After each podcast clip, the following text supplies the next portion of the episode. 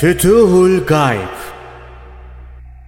Sultanül Evliya Gavs-ı Azam Abdülkadir Geylani Hazretleri 52. Makale İman sahiplerinin sıkıntısı İman sahiplerinin bazen mihnete düştükleri olur. Bunun bazı sebepleri vardır.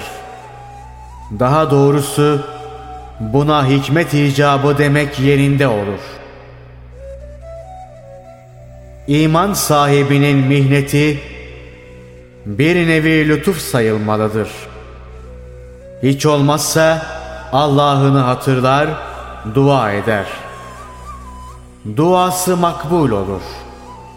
Belki bir an için gaflete düşmüştür. Gelen ufacık bir mihnet çok iyi nimetlere sahip olmaya sebep olur.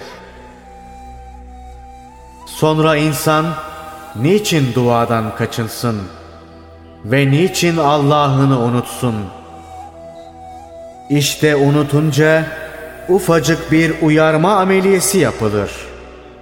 Haliyle iman sahibi bunun nereden geldiğini hemen anlar, dua eder. Elbette o zaman dualar makbul olur. İlahi lütuf ve kerem kapıları açılır.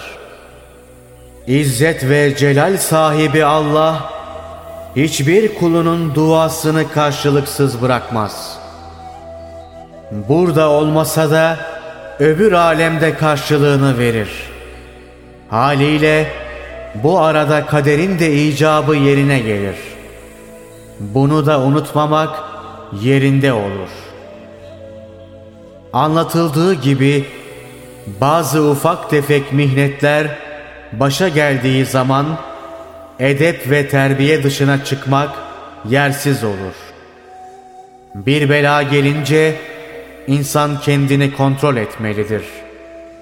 Günahını araştırmalı ve onu gidermeye gayret etmelidir. Güç bir işe düşüldüğü zaman günah yollarını değil, sevap işleme yollarını aramak yerinde olur. Bir günah işleyince nasıl olsa işlendi diye öbürlerini sıraya koymak yerinde olmaz.